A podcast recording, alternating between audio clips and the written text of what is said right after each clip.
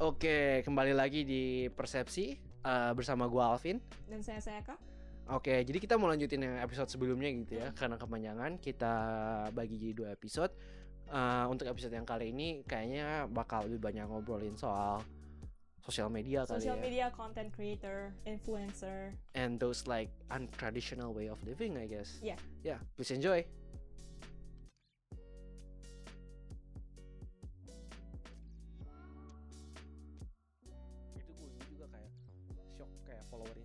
Gue berapa ya seribu Heeh. and people were like ah follower Instagram lu seribu gue gila di Indo seribu dikit seribu di Indo dikit banget Iya bener bener bener. Iya, iya follower aku 800 dibilang terkenal. right Ya, it's it's very different. Di sini itu lebih namanya privacy lebih ketat banget ya. hmm. Di Indonesia I don't think ada namanya privacy. ya kan jadi gue kayak hmm, oke this is one thing ya kayak you know kan kayak kalau gue berusaha produce konten gitu di YouTube gitu Hmm. paling gampang sebenarnya apa sih vlog kan soalnya lu sambil main sambil sehari-hari lu ya udah keluarin HP keluarin kamera gitu Hmm. loh tapi gue tetap mau sampai gimana gue paling nggak dan menurut gue ini eh oke lah mungkin orang ngomong ah lu nggak mau usaha gitu Mm-mm. eh lu nggak mau usaha tapi eh, menurut gue ini ini batas yang nggak bakal gue lewatin tuh gue nggak mau ngevlog sambil kalau gue lagi makan di restoran Hmm, why is that? rasanya kayak apa ya very violating other people yang lagi makan di restoran itu aja Iya, ya jadi di Jepang itu kayak gimana ya? Ngerekam orang lain without their consent is big no no ya it's a big no no. Jadinya Iya. kalau mau ngevlog di luar, wah itu susah banget kayak beneran diliatin deh. iya Kayak mau take picture aja, it feels illegal. Padahal enggak. gitu. padahal enggak padahal enggak iya There's no rule that says kayak nggak boleh foto di umum tapi it, it just feels illegal di sini. Iya, as a, as a street photographer gitu ya, kayak kayak apalagi kalau gue di Western Forum gitu, you you gotta be open apa segala macem gitu. You have the confidence to Yeah. like talk in the public gitu, Yeah. talk on the streets. Gue kalau lagi street photography ya gue nyari kamera yang sekecil mungkin biar gue bisa kayak let me just blend with the background biar gak ada yang lihat gue gitu loh. Kayak kayak I'll just don't notice me sampai gitu. Iya beneran privacy is Wah. a big thing. I I bought a film camera kan. Oh pengen banget kayak foto-foto um, kayak pasar deket rumah. Hmm, The vibes, the vibes of the people. right. Takut, Takut kan? takut. Ujungnya foto apa? Foto langit. paham banget sih kayak it's one thing to to berani gitu tapi apa ya ya menurut gue sih ada social line yang gak bakal gue lewatin gitu loh jadinya ya beneran sih. Ah. Jadi apa apa susah di sini. iya Iya. though, though maybe partnya alasan lah apalagi kalau gue gitu kan kan gue pengen bikin konten Hmm. karena gue suka foto suka video gitu Hmm. maybe part of it jadi gue jadiin alasan gitu but it the barrier is higher gitu loh Oh iya, feel, the yeah. barrier is higher. Iya, hati-hati. Apalagi ngeliatin muka lu di sosial media itu in Japan, that's a That's a also that's a that's a big thing gitu. Yeah. Jadinya di sini kalau di Instagram kan um, nama akun Instagram itu full name, your full name kan biasanya. Mhm. Gila banget sih. Kadang-kadang kalau aku ngeliat sekarang uh, orang-orang Indo di Instagram full name, isi nama kampus, isi nama ini beneran kayak privacy itu uh, gila banget sih. Ada semuanya ada di internet gitu. Tapi di sini tuh orang-orang kayak nama akun Instagram tuh nggak pernah, jarang banget nama asli. right Iya, and then pasti di lock Instagramnya right jarang juga kayak nama kampus di beberin gitu jarang banget so people are way more protective of their privacy gitu. Menarik ya memang ya kayak beda banget sih. Eh, kayak gua orang gue ingat dulu di uh, kantor gue orang-orang tahu gue suka bikin YouTube gitu. Hal even though video gue nggak banyak gitu kan. Eh, tapi gue mereka tahu gue pernah kayak apa ya susah-susah naruh kamera depan muka gue dan gue ngomong ke kamera gitu. Mm-mm. and they were really amazed with it. Iya, gue ya what? Gitu. Nggak ada yang namanya putting yourself out there.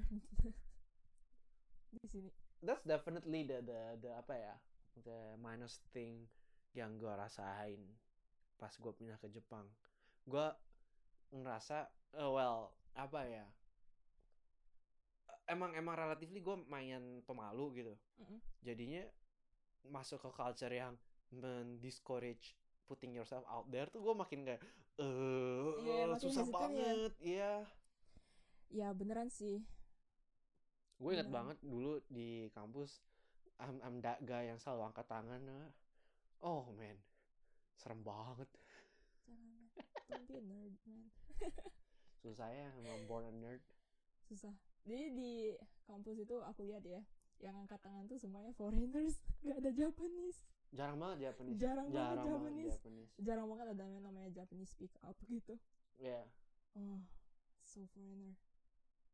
Ah ya anyways that's the culture of Japan. Hmm. dan di Indonesia ya aku senang banget sih ngeliat banyak yang aktif bisnis just like doing what they like.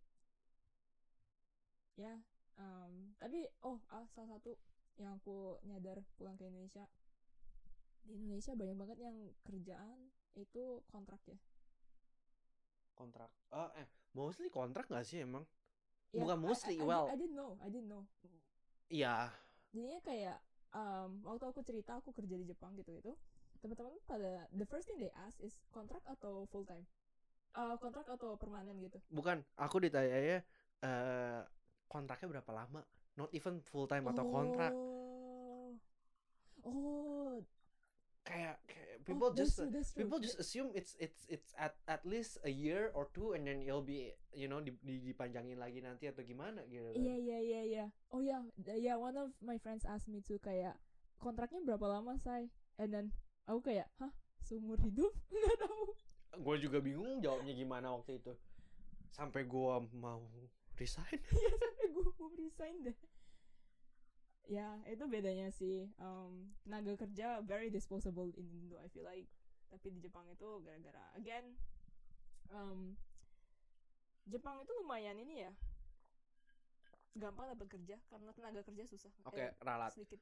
ternyata Jepang eh, banyak juga kontrak cuma mungkin kita nggak kayak expose aja dari kuliah Ah, mungkin karena kita juga dari eh, sekolah yang secara predikat lumayan tinggi kan di Jepang Iya iya iya. jadinya well ekspektasi orang udah kayak lu nggak bakal kerja kontrak kan gitu loh Ah, I see, I see, I see. rasanya ya kayaknya ya karena kemarin pas gua pindah kerja nyari well around 30-40% ditawarin ke gua also karena gua foreigner kontrak Oh, kontrak ya? kontrak banyak ya Hmm. mungkin karena IT juga ya IT lebih banyak yang kontrak ba- eh, cukup banyak yang contractual basis Hmm. jadinya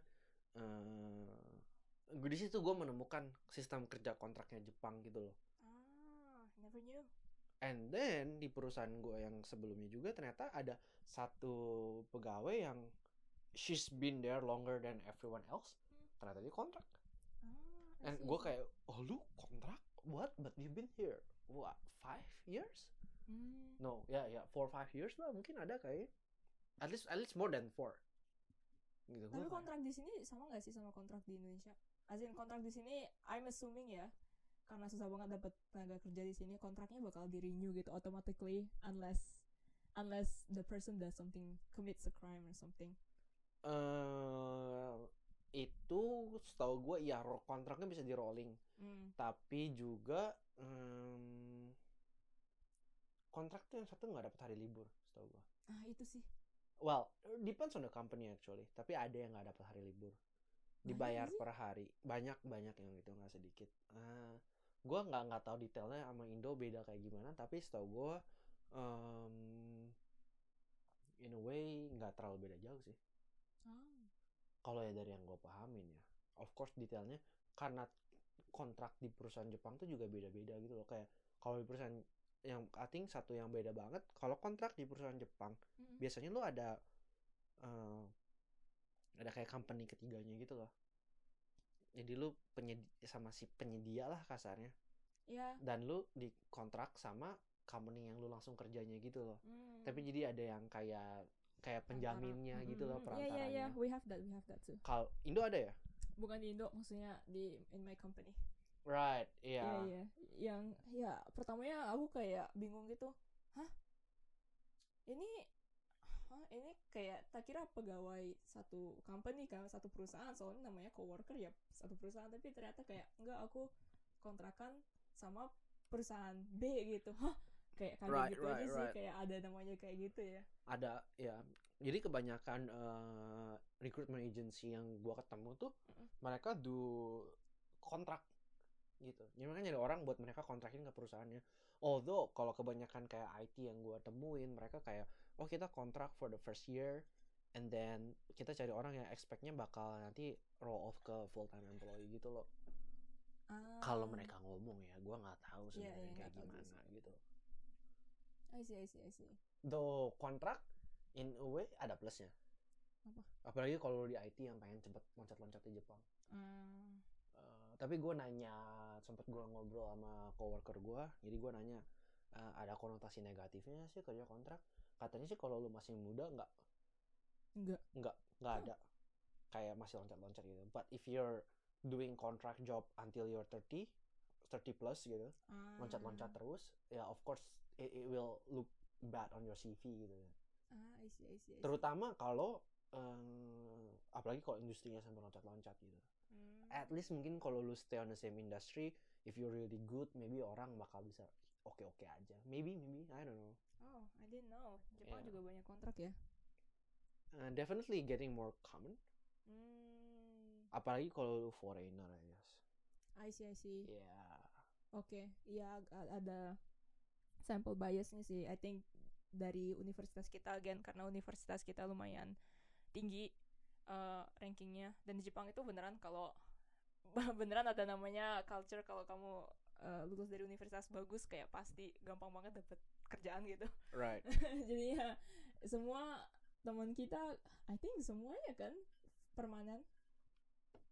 Right? semuanya yang gua tahu like permanen 99%. 99% I don't have a kenalan yang on contract Iya kan? gitu aja nggak nggak ada ya Nggak nggak ada. ada kenalan non kontrak so. I just assume kayak semua ya namanya kerja itu permanen gitu. That's the default setting gitu.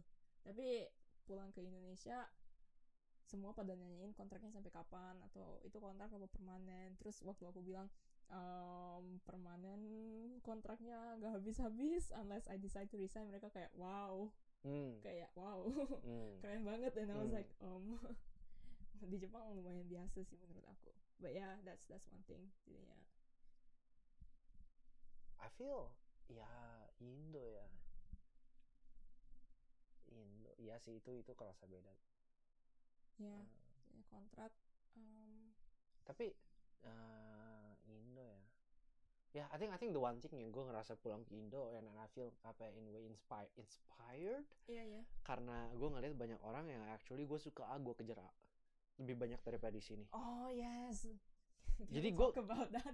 Oh should we talk about that? Cause gue kayak ah man gitu. Keren sih kayak Keren apa ya ya. kando? Kando? Iya, iya. wha- what's Oh. kando? Moved? Gitu. Moved uh, terharu eh, terha oh, ter- ya tersentuh. Tersentuh? Tergerak tergerak. Tergerak tergerak. wes alay banget rasanya bahasa Indo? Wih. Gue balik ke Indo gue tergerak sama Wih, temen aku. wih. Ini ini siapa pun yang sadar lah yang lagi dengar nih Ya, pursue your own dreams man. Anyways ya contohnya kayak gimana? Contohnya eh contohnya temen gua yang nggak temen langsung lah jadi gua nggak ketemu tapi gue liat di Instagram gitu. Beberapa orang kayak eh, pengen em, jarang lah denger orang yang em, contohnya gua lah. Gua kuliah apa kerja apa terus udah jelas banget katanya gue ngejar duit gitu ya. Sebenarnya kan gue bukan ngejar duitnya. Walaupun of course harus jujur ada faktor itunya lah ya kayak semua adalah ah, ah, nggak mungkin lu kerja nggak ngejar duit gitu Iya. kan. Tapi em, Indo tuh kayak oh terutama mungkin for the new new industries gitu ya. Kayak IT krea terutama IT kreatif. Gue ngerasa kalau lu nggak suka dengan apa yang market tawarkan lu bisa mulai sendiri gitu loh. Kayak it's it's way easier to mulai sendiri. Mulai sendiri as in mulai bisnis sendiri atau? Mulai bisnis sendiri. Hmm, kayak either just like freelancing lah apalah gitu. Iya. Tapi di sini kayak gue cuma tahu satu orang yang actually do it on the side tapi dia juga kerjanya industrinya masih sama gitu loh. He just plus doing it on the side by himself Hmm, industri apa? Uh, kreatif uh, kreatif. kreatif kreatif advertising. Hmm, jadi dia kerja di uh, company advertising dan freelancing juga. Freelancing juga ya uh, foto video gitu. Ya di sini cuma satu yang gue tahu. Dikit banget sih Hmm. namanya freelancing. Again it's, it's not really look good look look well. Doh, di society. gimana ya? Ya iya sih. Jadi di sini oke from the the girls perspective. Waduh. Kayak the culture is um kalau mau nyari cowok cowok lu freelancing? Oh my god jangan man. Oh man. Cari cowok yang punya stable job in a good big company. That's ya yang bagus untuk calon mertua ya? Yang bagus untuk calon mertua. Biar orang tua ha- happy lu juga dijam kejamin hidupnya and all that kemarin gue gue lihat eh, trailer film gitu loh. Terus Apa? ada cewek ngomong kalau gue mau nikahin cowok minimal dia punya 20 juta yen di tabungannya. Gue pengen ngitung loh 20 juta yen ke rupiah berapa? 2 m? 2 m 2 m 2 Terus m lebih. 2 m lebih terus gue kayak bajing kapan? Terus ah, gue ngitung gue ngitung ya. Gue beneran ngitung li kemarin tau gak? Gue kayak wah anjing 2 m men. Gue ngitung. Apparently dengan gaji quote and quote rata-rata nggak rata-rata lah. Oke ini agak, agak atasnya Tokyo ya. Mm-mm. tapi kalau lu nabung Mm-mm. lumayan. Mm-mm.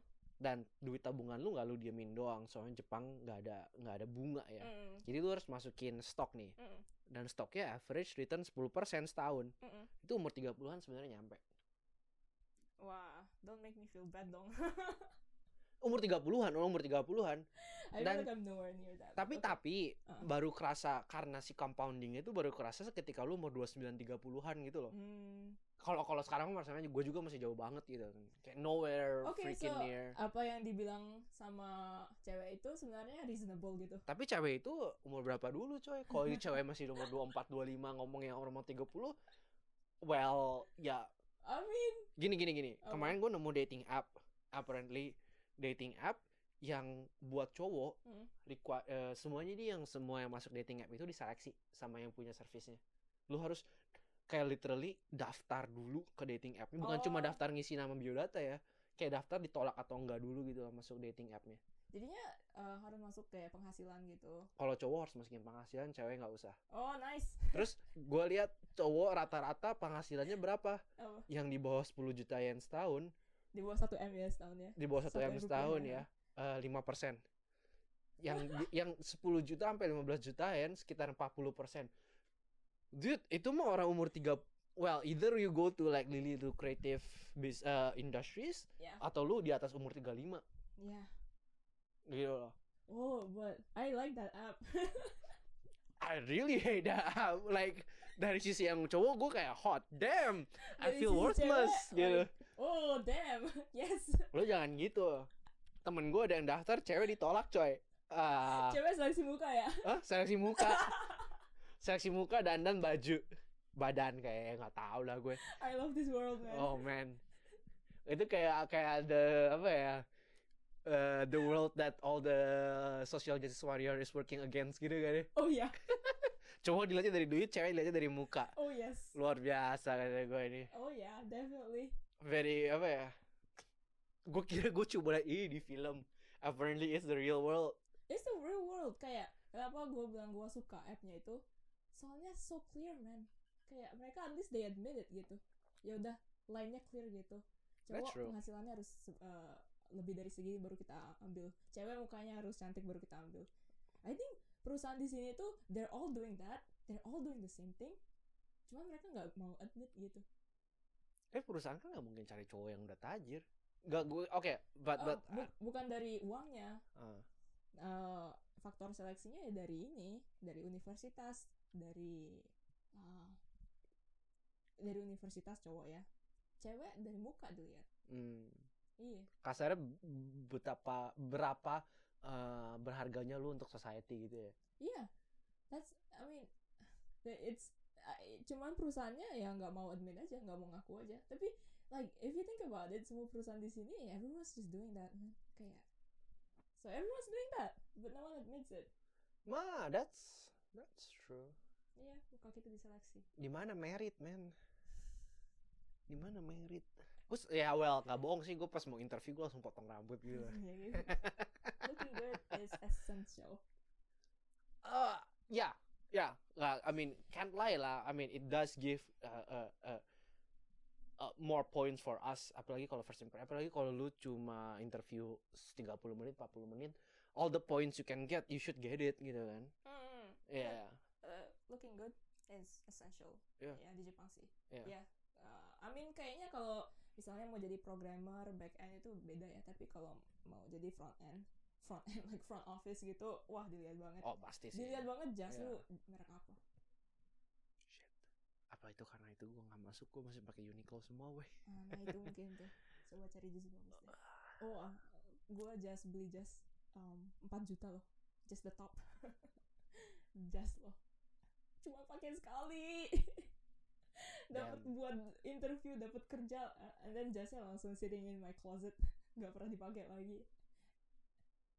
Kalau kalau dipikir-pikir like it's I mean ya namanya ya this game that we're all playing itu kayak agak messed up gitu kan menguntungkan yang comes from like a really privileged background gitu Tapi menurut lu eh, kemarin nih, terus now, jadi ya kadang lucu gitu gue mikir. Kita dari yang masih ya, di Jepang, masih di Indo, masih berusaha mengejar yang namanya kayak meritokrasi gitu kan. Mm. Semakin meritokrasi semakin baik gitu. Mm-mm. Terus kemarin gue tiba-tiba nemu buku ada orang argue namanya The Tyranny of Merit. Gue belum baca sih. Uh-uh. Tapi terus kayak basically dia ngomong mau meritokrasi apa pun sebenarnya nggak masih nggak adil. Mhm. Let's say eh ini ini gue belum baca ya, so I'm just quoting. Tapi basically salah satu contoh yang dikasih tuh kayak let's say kalau lu dari eh, perusahaan yang kayak kita masih belum bisa menemukan cara menilai merit tok gitu loh. iya no we can't. Nggak belum bisa ya. Belum bisa Iya, namanya manusia mana manusia. oh biases Kesel nih gue. Well, nggak kesel sih. I mean, this is how it is gitu. this kan. is how it is man I mean nggak nggak nggak nggak kesel kok. Cuma kayak hmm, not fuck up tapi kayak Let's say kalau gue mau bikin bisnis gitu, can you avoid that? Maksudnya can you, can I avoid? Can you avoid the Can you avoid judging someone from unnecessary uh, unnecessary parameters? no I can't. Should you try? yeah. Hmm, I mean the good answer is yes I should. Right. tapi manusia itu males man. Oke, nggak manusia itu nggak bisa bikin mereka they can't make choices easily. They can make decisions easily. Jadinya gini misalnya lu lu jadi HR nih. Banyak resume masuk kan. Sebenarnya just to avoid bias just to avoid that nama lu itu harus disensor. Because nama gives out a lot of things. Kalau nama lu western wah itu kayak oh this this person's probably white this person could speak English. Ada certain biases yang diassociate dengan nama itu kan. Benar, sebenarnya nama itu harus disensor di CV kan. Benar. tapi kalau nama disensor di CV semua bakal datang dari univ sama. Semua kayak GPA-nya uh, IPK-nya kayak mirip semua gimana lu milih gitu loh. Gitu kan? They benar, should. Iya seharusnya kita iya seharusnya HR itu sensor nama, sensor kerjaan orang tua, sensor penghasilan orang tua gitu-gitu kan. Hmm.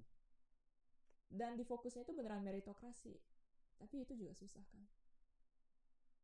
Tapi mungkin mungkin gue gak setuju deh uh, kalau fokusnya meritokrasi.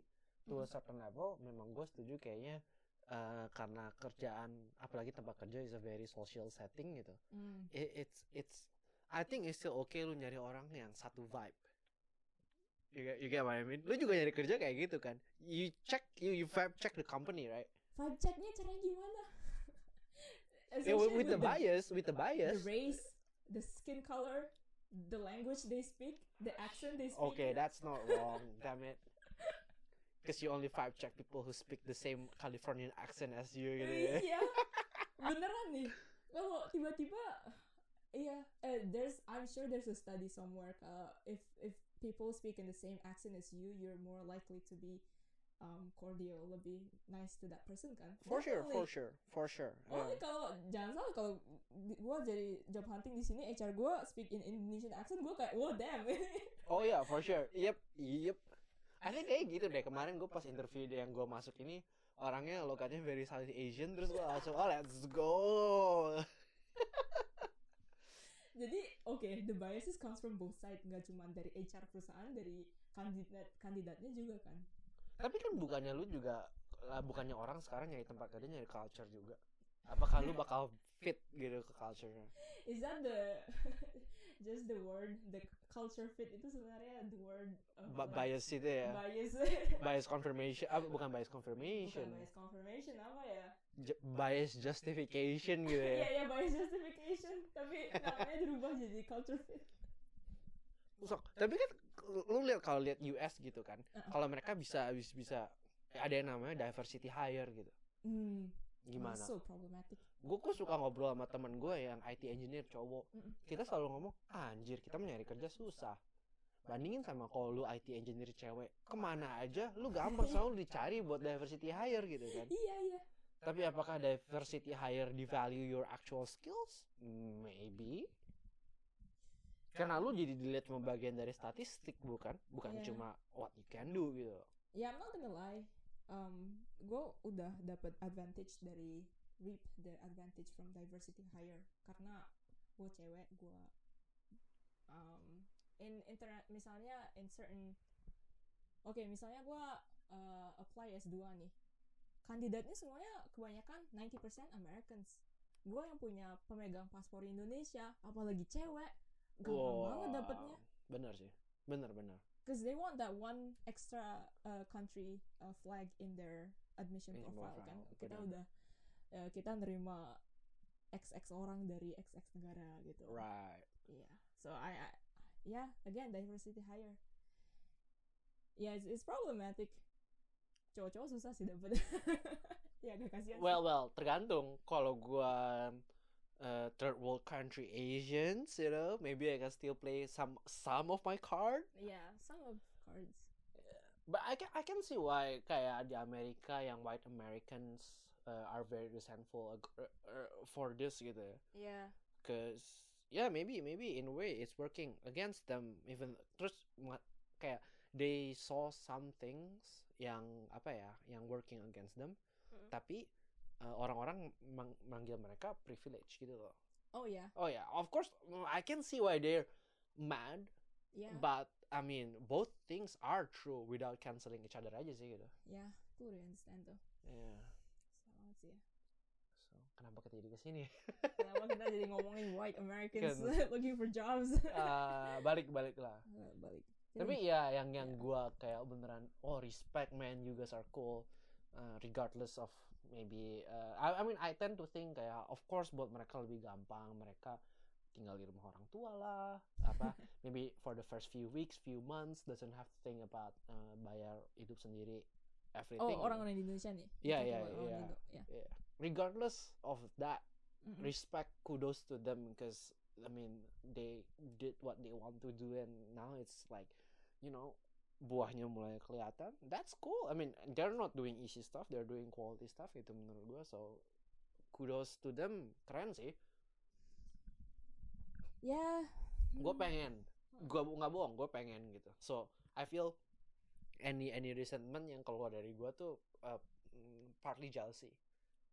Partly resentment ke gue kenapa gue nggak bisa kayak gitu. Kalau gue ya I mean if if I have to be honest with myself so ya keren sih gitu Iya, kadang-kadang kayak gue nanya-nanya diri sendiri sih.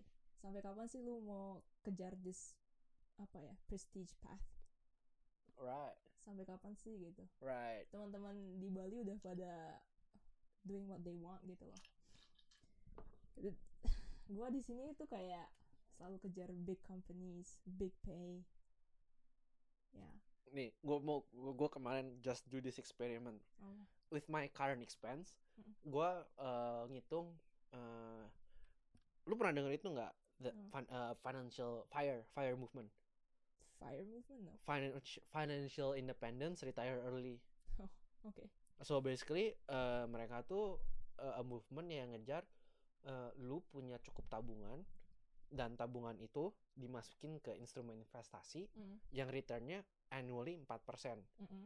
dan return annual 4% itu cukup buat lu hidup Itu oke. in that sense kalau lu hit that goal Mm-mm. lu masukin deposito lu nggak usah kerja lagi Oke. you're done Yeah. you're set for life in a sense if you choose to work to stop working you're good gitu kan Yeah. nah jadi gue ngitung dong how berapa nih gue bisa when can I reach that 4% gitu Jadinya kapan lu bisa retire gitu? yes Uh-uh. ah gue ngitung cara gue sih ngitungnya dengan trajectory naik gaji yang very very yang oke lah it's it's quite conservative the looking at my field I looking at IT, gitu IT, ya uh-uh. it's pretty conservative Uh, dan tapi gue cukup positif dengan dengan ngitung expense gue nggak akan geser dari sekarang. Jadi gue nggak ada meng, gue gue Expense lu lu gak ada geser. nggak mengalami kenaikan eh pengeluaran rata-rata.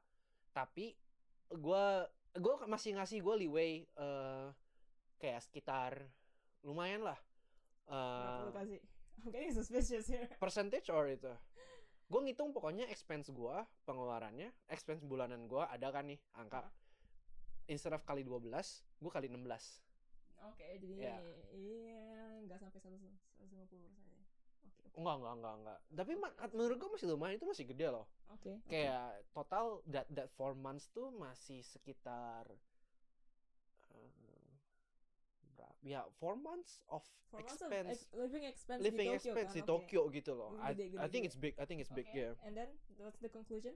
I can reach that when I'm and then gue gue ngitungnya semua duit yang gue tabung itu gue jeblosin ke investasi yang returnnya 10% Oke. yang kayak tadi gue omongin tuh itu hasil gue 10%, ngitung Oke. gue ngitung gue bisa dapet umur 34 dan itu dan itu return 4% hidup di Tokyo loh kalau hidup of course kalau gue pindah ke Jakarta that that it's more than enough gitu kan Iya, Gitu loh. Nggak harus 34. Iya, 30. nggak usah gitu sih. 34 tapi gue ask myself do I want to chase after this sampai gue umur 30 gitu Nah. gitu kan jadinya kayak that, that means like following this like quote unquote corporate path not taking any risk until you're 30 gitu. but gue gue kayak ask myself is 30 too late to start doing what you want quote quote gitu Iya, kan ada opportunity cost juga. iya ada opportunity costnya di situ 34 loh. 34 10 10 years 10 years 10 years. 10 years You could be starting now. You yeah have to put that off until 10 years later. I mean of course there's a certain balance that you should strike I think for me Iya, iya. I mean, you can Yeah. start now kan dikit-dikit gitu mulai. Tapi mulai uh, do it full time. uh well yeah you have to delay it to until a certain Oke, oke. Kayaknya buat uh, pendengar yang nggak tahu Alvin sebenarnya mau ngapain instead of pursuing this corporate path. Let me call him out. Wah, ini disusah ya. Gua mau pengennya sih bikin kayak pengennya explore foto video, Mm-mm, tapi in a apa ya grand scheme of things, mm-mm. emang pengennya bikin kayak studio, Studio ya. branding slash um, slash apa ya slash marketing advertising. Uh, Hmm. Pokoknya ya anything related with photo and video and graphic design, yada yada Hmm. yada. Even kayak kalau bisa merambah ke 3D gitu, I want sih. Tapi basically arahnya pengen ke sana gitu loh. It's Hmm. still very abstract karena gue juga cuma bisa kayak itu kan banyak banget fieldnya tuh. I feel I feel like that's pretty concrete. Hmm, ya. Tapi gue ngerasa karena itu lumayan banyak dan gue Hmm. nggak bisa semua. Hmm. Kayak I still have to find people tuh. Oke, eh, kerja bareng gitu. Itu Iya. aja sih buat Iya, gue iya, gitu. iya, iya. Tapi lu sekarang jadi engineer. uh, engineer, front end engineer, which is I, I gue gue masih enjoy kok.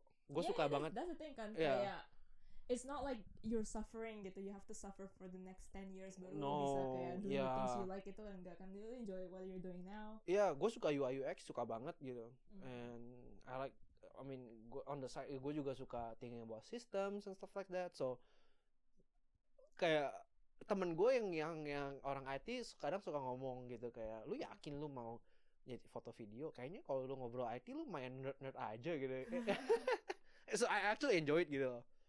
Nah, but but still kayak gue nggak mau lepasin this Hmm, uh, foto video. foto video and kenapa gue pengen ya, jadiin full time gue ngerasa soalnya if I keep it as a hobby uh, kualitasnya tuh mm, bakal susah Yeah. apalagi as I go on bakal susah gue kalau mau melakukan production level yang gede gitu loh Mm, mm, I mm. think you can only do it if you're working full time not as a hobby gitu loh Yeah.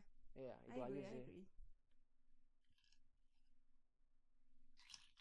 but then some film directors have their first film when they're 30 so you know I mean on the kayak kayak apa ya on the film industry Hmm. terutama cinema industry it's not uncommon for people to bloom out late Mm. I think dibanding oh kita lihat kayak Forbes 30 under 30 gitu kan it's uh, definitely way more uh, forgiving towards uh, older age gitu loh. I think just the creative industry in general more forgiving towards the age because I guess so ya mereka tahu banyak orang-orang kayak lu yang yang masih stuck di corporate. Ya.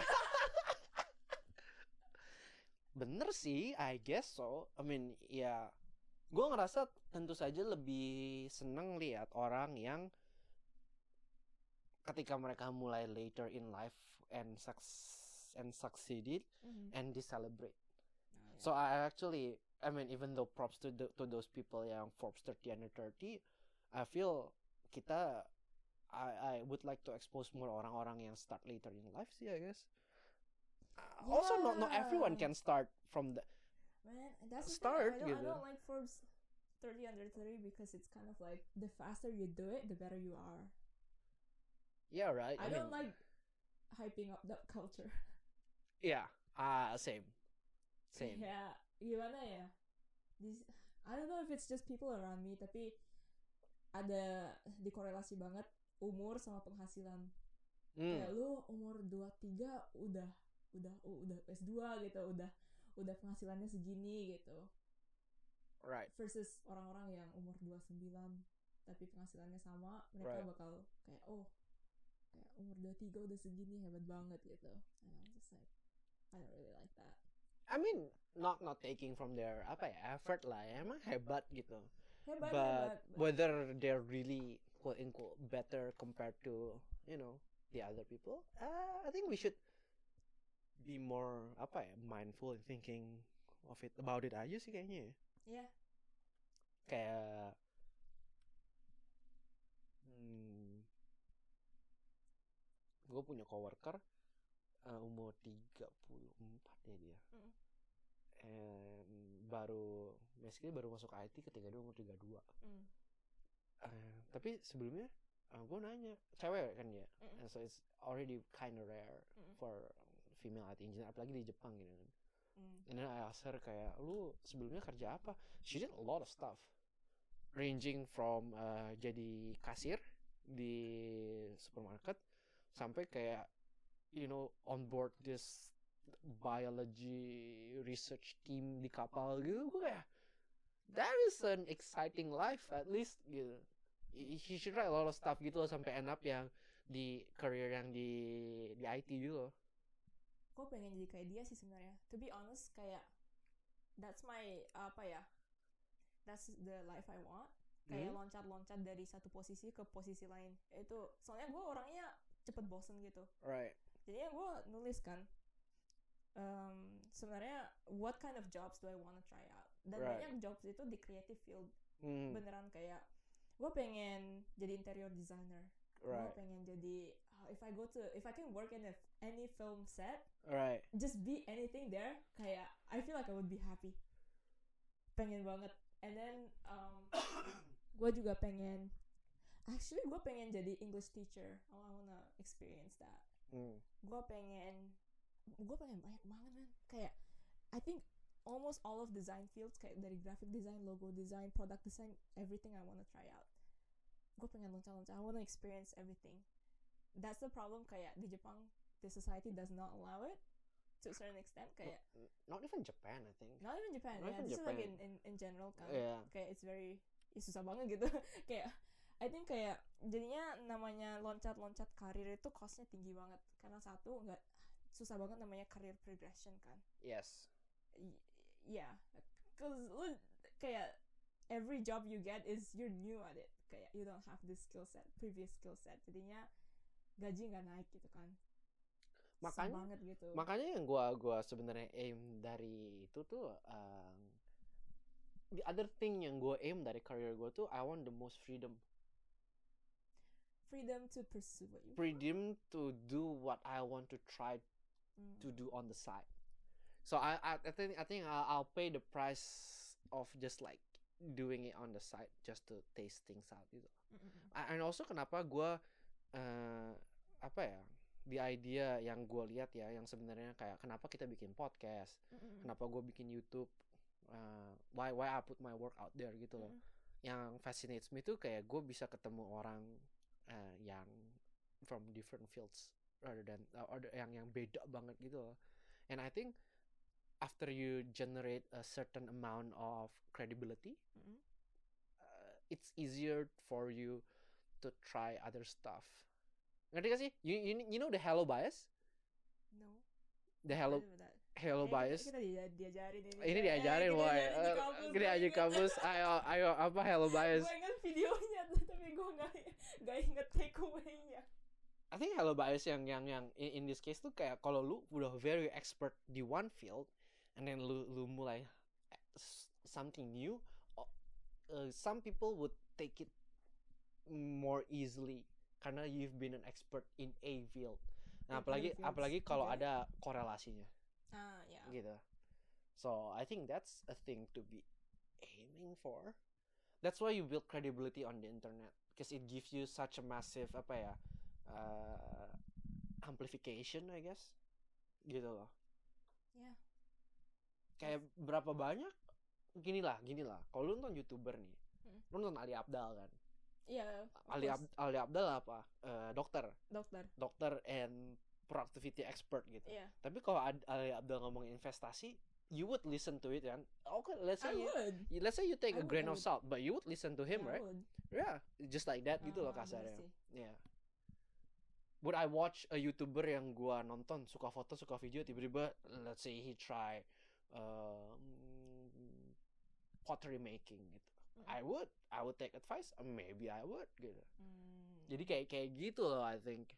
Kalau gua sih ya yang liat gua kayak oh, wow that's I think that's one way people are living right now.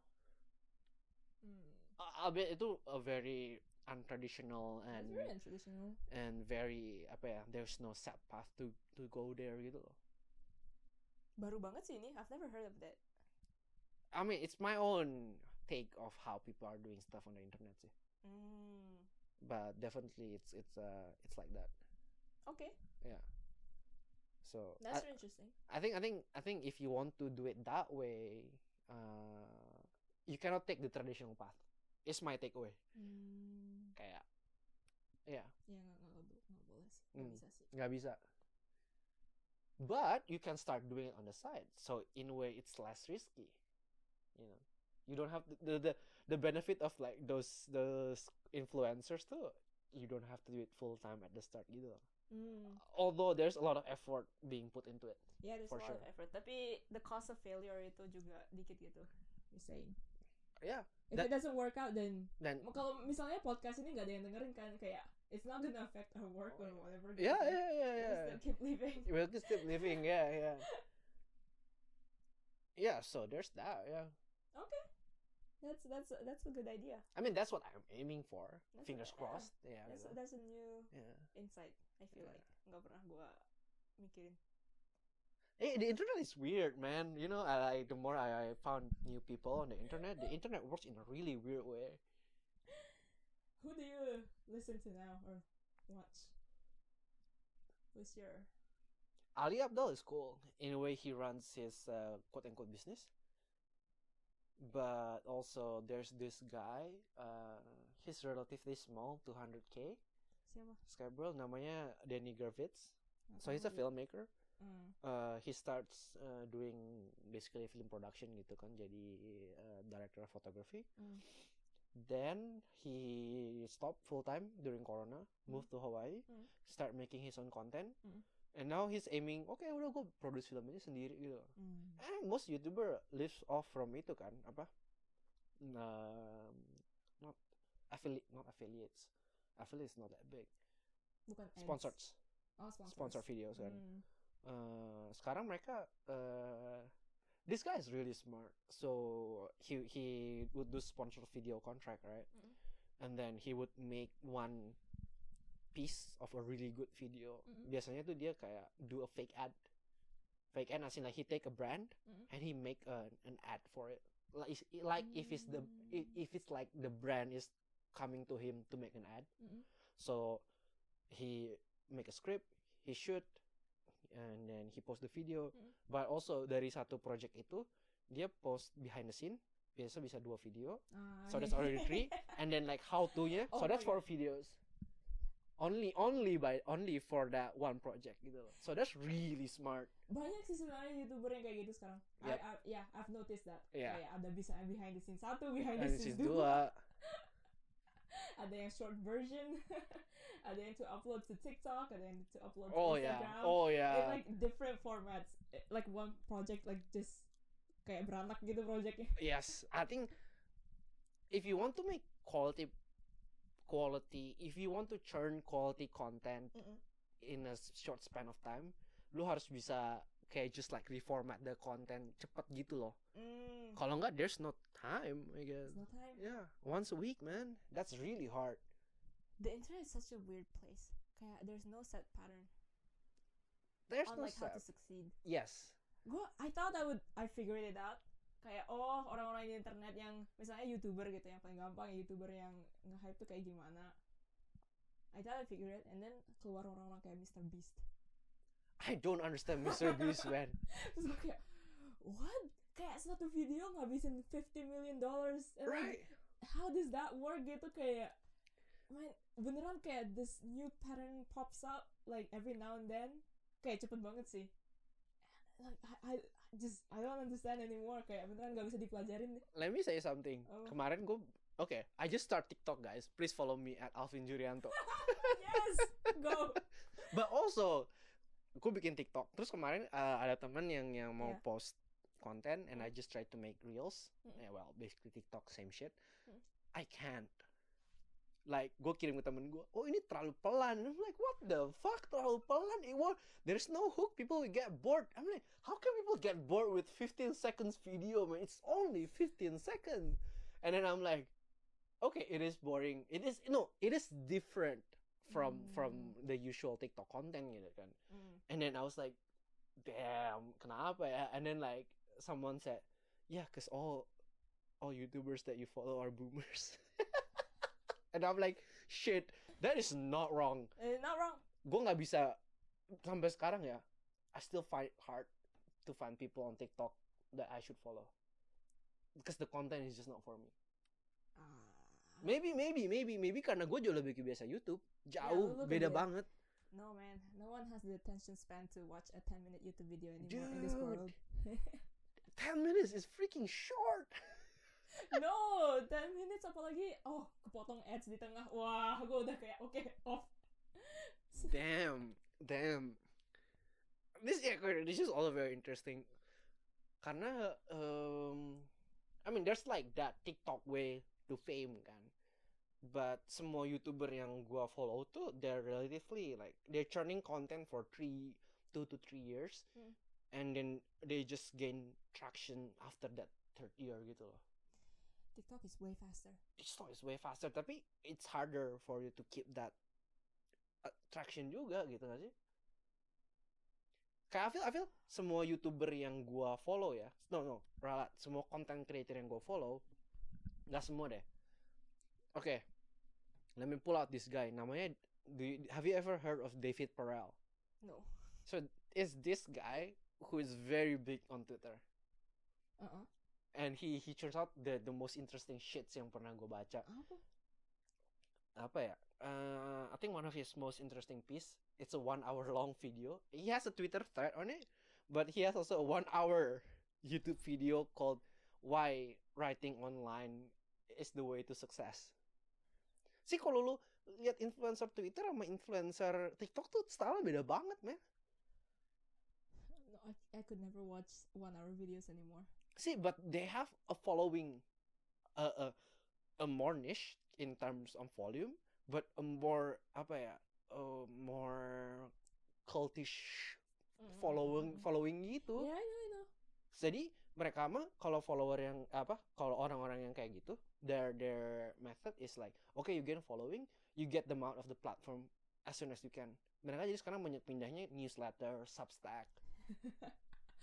oh. They're they're they're they're, they're taking people out from the the platform. Jadi nggak udah nggak bergantung platform lagi, and they just like establish a following around them gitu loh. Ah, Which is very, I think that's the one way to get uh, more apa ya follower yang lebih quote unquote setia kayaknya.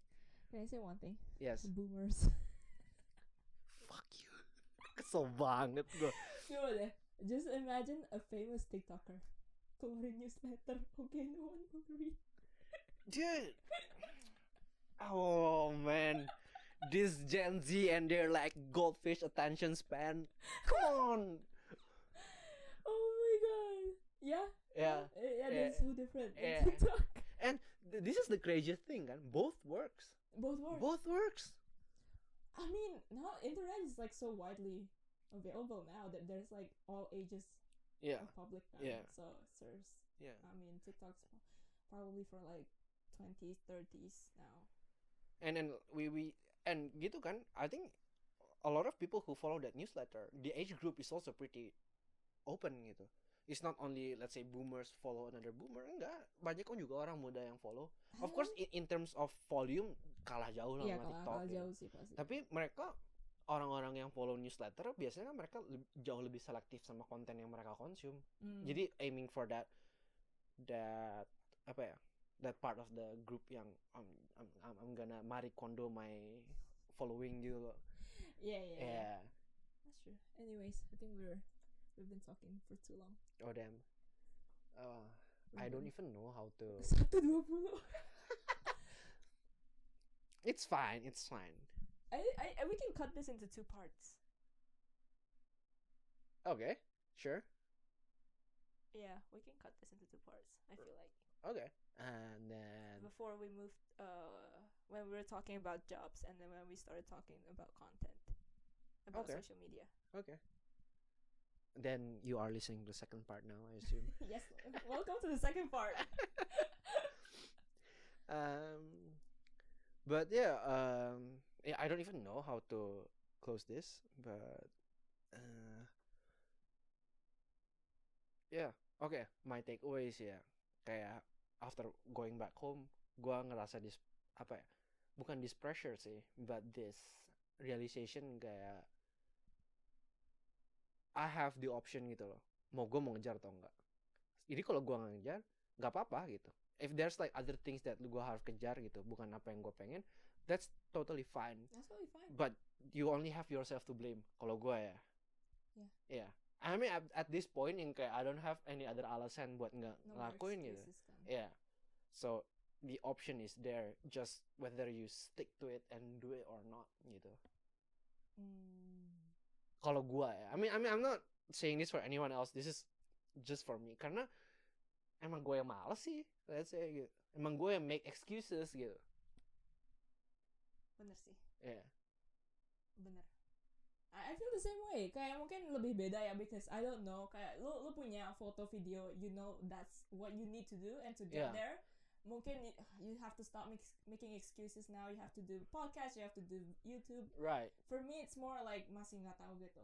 What what you know what to do next. Tapi beneran jadinya ke Indonesia tuh beneran terexpose to all these different options, all these different ways of living. Right, tem- right. lihat temen gue yang um, ada kerja full time and then sambil side hustle, sambil business in, on the side kayak oh there's that option kayak Hmm. beneran I think uh, realizing that I've been living in this bubble beneran kayak gue kayaknya kelamaan di Tokyo sih Hmm. kayak hangoutnya sama orang-orang yang kerja di Tokyo orang-orang korporat juga orang so korporat ya. you iya kayak beneran gue kayak oh I mean side hustle is it's it's not for me gitu loh. Right right it's not right. an option ini susah banget nggak tahu gimana caranya. Di teman-teman di sini juga nggak ada yang bisnis gitu. Hmm. so yeah I just realized kayak oh yeah this is a bubble gitu. Di Tokyo teman-teman gue di Tokyo semuanya we live in a bubble. Hmm. keluar dari kampus yang sama industrinya sama-sama aja sih. I feel man I can talk another hour with this topic tapi gue pernah punya conversation ini bahwa Tokyo is a bubble a very safe tapi apa ya lu jadi complacent kind of bubble I feel. For a lot of people. I thought Japan yeah. Just Japan. Yeah. especially for the younger society gitu the, the, the 80 90% of people kayak you just go to work uh, you know ride the train as in like figuratively and everyday as well gitu kayak.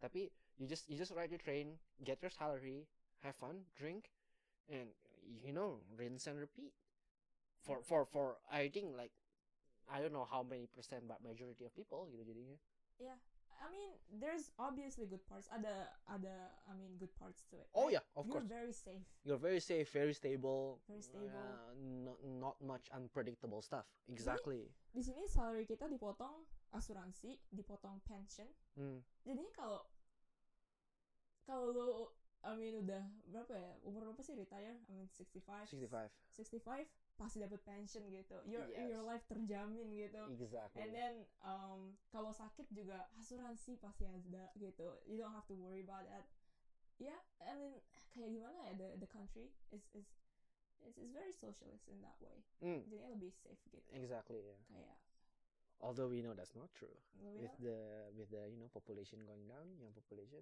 you know you're fucked if you're old because you, you you get less money than what you sp- you put in. okay yeah that's another That's thing. another. tapi mm, yeah, in, yeah. in, in general kalau dibandingin sama Indonesia very safe very stable I would say That's the thing, right? That means it's more risky to live in Indonesia, but then that means you can gain more and you lose more.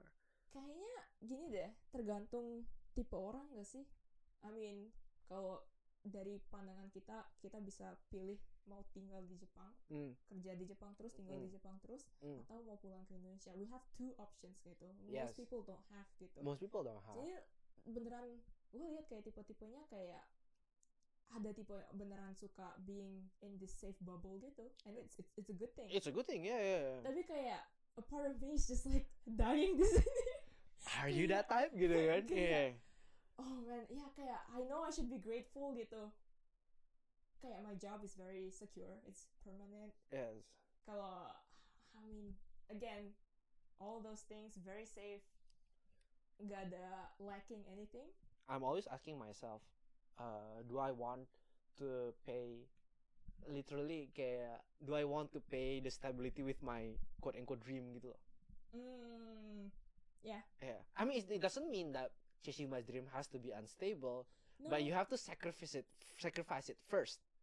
more in this case kayak more in our case soalnya our dream requires risk, gitu. taking. Yeah, yeah, Yeah, for sure. again yeah, yeah, yeah. creative field and all that and Right. kalau our dream is being in investment banking, Banking, and corporate kayak oh, man, Oh, that's man. both Oh. stability and I. I, I, I, I, I- I always say like people who really wants to work in investment banking or like banking in general yang yang very stable, you're pay you're in luck, man. Iya kayak 'Cause, Oh my god, just a little bit of digress. Gue temen gue yang di investment banking, like first year earning like 1 m ah, per year, yeah. and he loves it.